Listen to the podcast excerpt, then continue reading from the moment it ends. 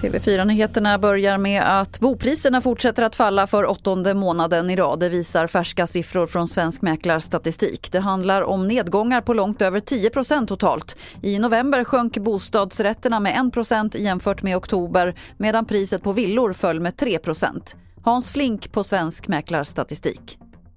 Vi har alldeles för mycket negativa signaler som fortfarande samverkar. Vi har en hög inflation, vi har ökande bostadsräntor och vi har ju det pågående kriget med alla dess följder. En kvinna i 50-årsåldern har åtalats för brott mot tystnadsplikten efter att ha suttit på krogen och pratat om en patient. Kvinnan som är anställd på Sundsvalls sjukhus ska enligt åtalet ha berättat var patienten vårdades och hur hen mådde. Kvinnan har erkänt. Den drabbade patienten har krävt 20 000 kronor i skadestånd.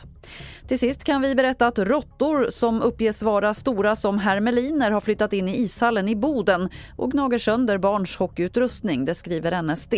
En av cheferna för kultur och fritid i kommunen säger att råttorna ser ut som tjofsan i Nils Karlsson Pyssling. Kommunen har anlitat ett företag som ska bekämpa råttorna. Fler nyheter finns på tv4.se. Jag heter Lotta Wall.